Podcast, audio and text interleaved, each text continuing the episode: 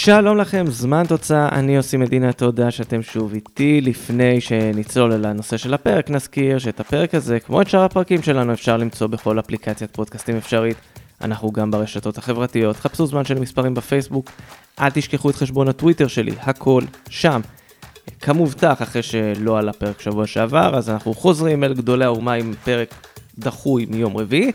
נזכיר את הפורמט למי ששכח, לא עקב, לא זוכר. בכל פרק ניגע בשתי נבחרות ונבחר ארבעה גיבורים שמספרים את הסיפור שלהם לאורך המונדיאל. כבר היו שש נבחרות כאן, זה הזמן לבחור עוד שתיים. מי הן? אתם יודעים. יאללה, אל הפרק. את הפרק הזה אנחנו מתחילים ממי שהעולם מכיר בתור מולדת הכדורגל, אנגליה. הנבחרת שאוהבת להגיע בכל פעם עם ציפיות בשמיים ולסיים עם הרבה פחות. היא זו שננסה להבין מי היו הגיבורים שלה לאורך ההיסטוריה. זכייה אחת ועוד הרבה מאוד אירועים מעניינים בדרך, אז אה, בואו נתחיל, כי לקח הרבה מאוד זמן עד שאנגליה עשתה משהו רציני במונדיאלים, לקח הרבה זמן בכלל עד שהיא התחילה להשתתף. בשנות ה-60 זה התחיל, כשאנחנו עם הגיבור הראשון שלנו, בובי צ'רלטון. צ'רלטון הוא גיבור אמיתי, היה בסגל בארבעה מונדיאלים, בראשון ב-58 הוא לא כיכב, בשני ב-62 הוא כבש רק שער אחד בניצחון 3-1 מול ארגנטינה, וברביעי ב-70 הוא גם שיחק, אבל זה כבר פחות היה הזמן שלו. במונדיאל הביתי ב-1966, צ'ארטון הגיע בתור גיבור לאומי. זו הייתה התקופה שבה מנצ'סטר יונייטד התחילה לפרוח מחדש, ובובי צ'ארטון בתור הכוכב שלה היה אמור להוביל את אנגליה להישג משמעותי. צ'ארטון כבש שלושה שערים באותו מונדיאל. בשלב הבתים הוא כבש את אחד השערים בניצחון 2-0 מול מקסיקו. בחצי הגמר הוא נתן תצוגת תכלית עם צמד, כשאנגליה עוצרת את פורטוגל שכולם אהבו לראות באותו מונדיאל. אבל אנגליה מביאה איתה גם את הגיבור השני מאותו מונדיאל, כי איך אפשר בלי ג'ף הרסט? בשנות ה-60 הרסט היה שחקן של וסטה. את המשחק הראשון שלו בנבחרת הוא ערך רק כמה חודשים לפני המונדיאל במשחק ידידות מול מערב גרמניה. ואנחנו עוד נחזור אליהם. אולי מה שנועץ את הרסט בתוך הרביעייה הזו, זו העובדה שהוא כבש בשני משחקים היסטוריים וזכורים בדרך לזכייה במונדיאל 66. הראשון, רבע הגמר מול ארגנטינה, משחק עצבני ומלא יצרים בוומבלי, לא מעט פוליטיקה הייתה שם, הרסט כבש את השער הבודד בדקה ה-78. השני הוא כמובן הגמר מול מערב גרמניה. הרסט כבש שם את השער הראשון לזכות אנגליה, שהיה שער שוויון בדקה ה-18. אחר כך האנגלים עלו ליתרון, הגרמנים השוו, ואז המשחק הלך להערכה. בדקה ה-101, הרסט הגיע עם רגע בלתי נשכח. הוא שחרר בעיטה עוצמתית, הכדור פגע במשקוף, ירד למטה, חזר לשוער הגרמני ובר שהדף. בתוך שניות בודדות של סערה, הקוון תופיק בחרמוב, שאז קראו לו רוסי, למרות שהוא היה סובייטי ובכלל מגיע מאזרבייג'אן, רץ לאמצע. השופט השוויצרי גוטפריד דינסט מאשר, 3-2 לאנגליה, עם אחד השערים היותר שנויים במחלוקת בהיסטוריה של הטורניר. הרסט יכבוש עוד שער באותו גמר, שקצת פחות זוכרים, זה היה בדקה 120. הוא השחקן היחיד בהיסטוריה של המונדיאל שכבש שלושה בגמר. 4-2 לאנגליה, זכייה היסטורית, ג'ף הרסט גיבור לאומי על אמת. הוא חזר גם למונדיאל 70, כבש שם מול רומניה בשלב הבתים, וזה כבר די היה הסוף. שני השחקנים האלה, בובי צ'רלטון וג'ף הרסט, שני הגיבורים הראשונים של אנגליה, אלו שאחראים לזכייה במונדיאל 66, מגדולי האומה שלהם. אבל כשממשיכים הלאה, עידן שיא נוסף של האנגלים במונדיאל היה בשנות ה-80. וגם התקופה הזו מייצרת לנו שני גיבורים. הראשון הוא פיטר שילטון. כן, שוער, זה משהו שעוד לא היה לנו בסדרה.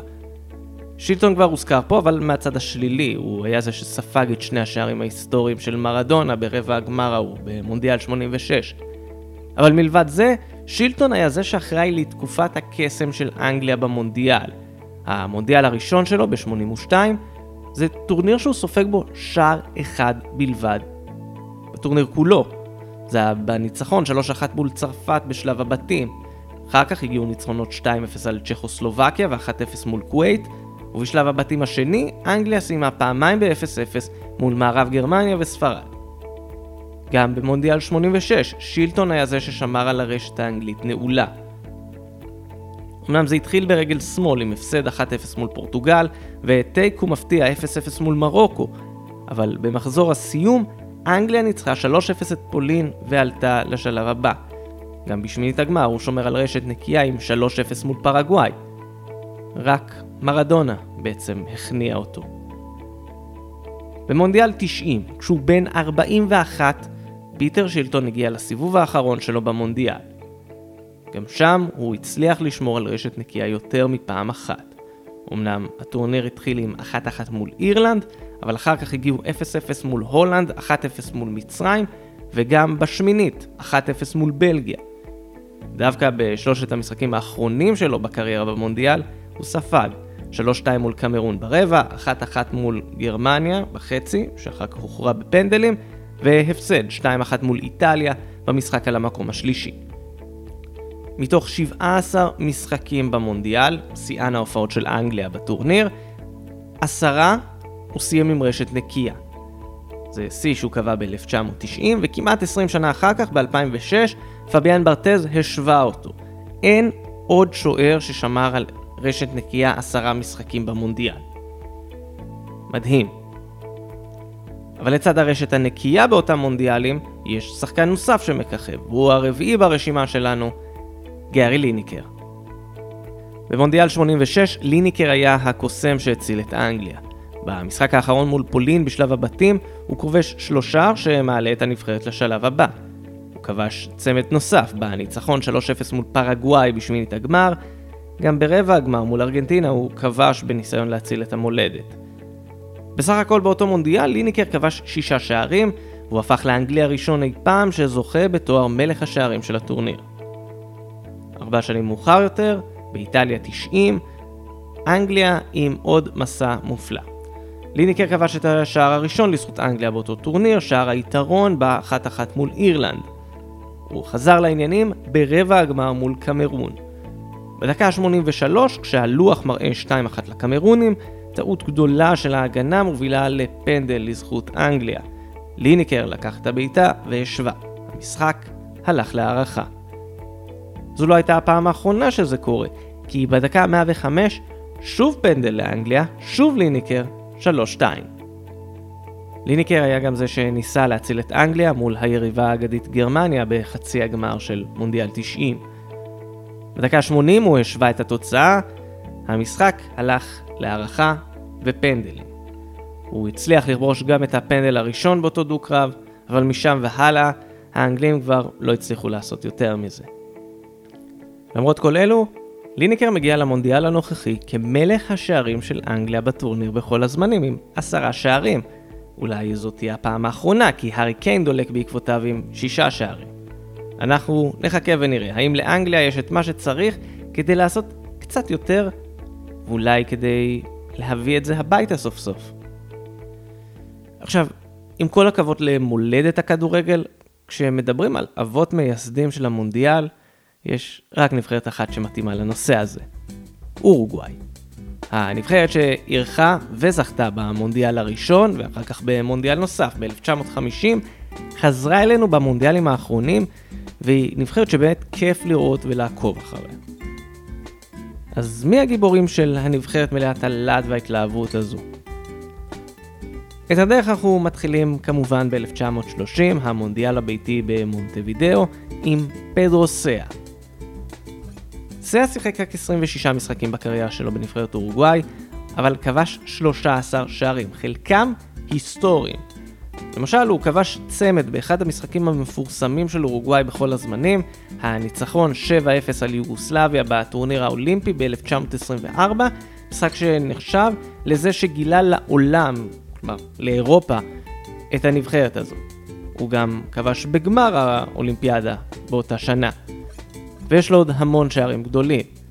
במונדיאל של 1930, סאה עלה ללוח בפעם הראשונה בשלב הבתים מול רומניה, אז אורוגוואי ניצחה 4-0 והוא התכבד בשער הרביעי.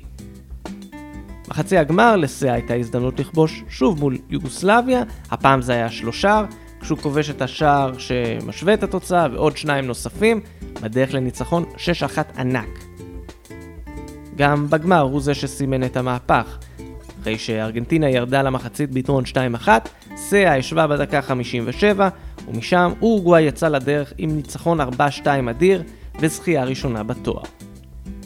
ומגיבור אחד של זכייה לגיבור אחר, הגיבור של מונדיאל 50, אלסידס גיג'יה.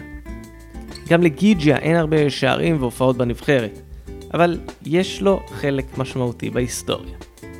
את החימום לרגעי השיא שלו הוא עשה בשלב הבתים, שבמקרה של אורוגוואי זה לא היה בית, זה היה יותר משחק אחד מול בוליביה שהסתיים ב-8-0, הוא כבש שם שער אחד. גם בשלב הגמר, שאז היה בית גמר של ארבע נבחרות, הוא כבש שער אחד ב-2-2 מול ספרד במשחק הראשון. אבל המשחק הגדול שלו היה כמובן במשחק המכריע מול ברזיל. 16 ביולי 1950, אצטדיון המרקנה, ברזיל מול אורוגוואי, משחק על כל הקופה. ברזיל כבר הרגישה איך היא בדרך לזכייה ראשונה בתולדותיה במונדיאל, זה היה האירוע שלה. היא אפילו עלתה ליתרון בדקה 47, פריאסה כבש את השער הזה. אבל אורוגוואי נלחמת, ובענק. בדקה ה-66 חואן אלברטוס יפינו משווה. במצב של תיקו התואר עדיין הולך לברזיל. ואז הגיע הרגע, בדקה 79. אלסידס גיג'יה פרץ באגף ימין, מצא את עצמו מול השוער הברזילאי מואסיר ברבוסה, ובעט כדור שטוח פנימה אל הרשת. 2-1 לאורוגוואי, המרקנסו המפורסם של ברזיל, והניצחון הזה, 2-1, נתן לאורוגוואי את המונדיאל בפעם השנייה בתולדותיה. עכשיו אומרים שלפעמים יש דברים שמסתדרים, שהם מעבר לשליטה שלנו, דברים שאי אפשר להסביר. גיג'י היה השחקן האחרון שנשאר בחיים מבין מי ששיחק במשחק הזה. במשך יותר מעשור הוא גם היה אלוף העולם המבוגר ביותר שנשאר בחיים. ב-2015 גיג'יה הלך לעולמו. התאריך שבו הוא נפטר? 16 ביולי. 65 שנה בדיוק אחרי אותו הגמר. קסמים כאלה של כדורגל. מאז אותן זכיות ב-30 ו-50, אורוגוואי לא הייתה נבחרת מרשימה. כשהיא עלתה לטורניר היא כמעט ולא רשמה הישגים, אבל זה כשהיא עלתה. כי היו לה גם מונדיאלים שהיא ראתה מהבית ולא מעט כאלה. ב-2010 משהו השתנה. ובשביל זה יש אחד שיודע לספר את זה. דייגו פורלן. הקריירה של פורלן הלכה לכל מיני כיוונים. מי זוכר בכלל את התקופה שלו במנצ'סטר יונייטד למשל? לאט לאט הוא נכנס לעניינים, ובמונדיאל 2010 פורלן יחד עם כל נבחרת אורוגוואי נכנסו ללב, כשהוא היה אחד השחקנים המובילים שלה. ולא רק שלה, של הטורניר כולו. זה התחיל מצמד מול דרום אפריקה, המארחת בשלב הבתים. הוא כבש שער נוסף מול גאנה ברבע הגמר. את השער המדהים שלו מול הולנד, שנבחר אגב לשער הטורניר, אי אפשר לשכוח, למרות שהמשחק הזה הסתיים בניצחון הולנדי. פורלן היה זה שהחזיר את אורוגוואי לקדמת הבמה אחרי שנים של חוסר הצלחה. הוא סיים את הטורניר עם חמישה שערים, אחד מארבעה שחקנים שעשו את זה, והתמודדו על תואר מלך השערים, אבל שוברי השוויון השאירו אותו מחוץ לשלישייה המובילה, אחרי תומאס מולר, דויד ויה וווסלי סניידר, שכולם כבר היו פה בפרקים קודמים. ארבע שנים מאוחר יותר, במונדיאל 2014, פורלן הספיק לשחק עוד משחק אחד כשהנבחרת שלו הגיעה לשמינית הגמר ונעצרה שם מול קולומביה. אבל פורלן לא היה יכול לעשות את זה לבד. אכן יש לו את מי שישלים את הרביעייה של הסלסטה, לואי סוארז. תאהבו אותו או תשנאו אותו, סוארז הוא גיבור ונבל בו זמנית.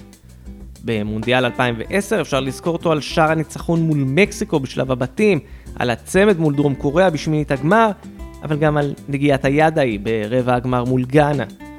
במונדיאל 2014 אפשר לזכור אותו גם בזכות הצמד מול אנגליה, אבל גם הנשיכה האלגנטית הזו מול איטליה. סוארז בסוף היה איש של תכלס ולא מעט, כי גם במונדיאל 2018 היה לו חלק בלתי מבוטל בדרך של אורוגוואי לרבע הגמר, שם היא נעצרה מול צרפת, שבאמת הייתה משוכה גבוהה. בימיו כשחקן הנבחרת הוא לקח את אורוגוואי לשלוש הופעות רצופות בנוקאוט המונדיאל. אני מזכיר שוב, אורוגוואי כמעט נעלמה מהמעמדים האלה במשך 60 שנה בין הזכייה ב-50 לחצי הגמר ב-2010. לואיס סוארז היום עם שבעה שערים במונדיאל, רחוק שער אחד מלהפוך למלך השערים של אורוגוואי בכל הזמנים בטורניר. סוארז הוא בעצם הגר הצ'רוע, הרוח שמניעה את נבחרת אורוגוואי קדימה, אבל ממש ממש קדימה. סוארז יהיה בסגל הנבחרת לקראת המונדיאל בקטאר, ומי יודע מה הוא עוד יכין לנו, או כל יתר שחקני נבחרת אורוגוואי. זה הולך להיות מעניין מאוד.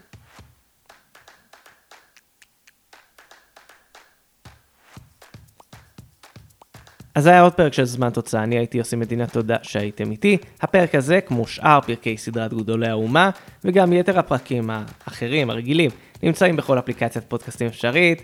אה, חפשו אותנו גם בפייסבוק, זמן של מספרים, חשבון הטוויטר שלי, הכל שם, כמובטח, יום רביעי, עוד פרק של זמן תוצאה של גדולי האומה. משהו מיוחד מחכה לכם, משהו שעוד לא עשינו פה, אז אה, שווה להמתין. אני כבר מחכה לשמוע מכם תגובות, תהיות, רעיונות לפרקים. אם אתם רוצים להגיד כרגיל שאין לי מושג מהחיים שלי ואיך בחרתי או לא בחרתי את מי שבא לכם, הבמה שלכם והיא לגמרי פתוחה. יהיו עוד פרקים, הם כבר בדרך אליכם. עד אז, ביי בינתיים.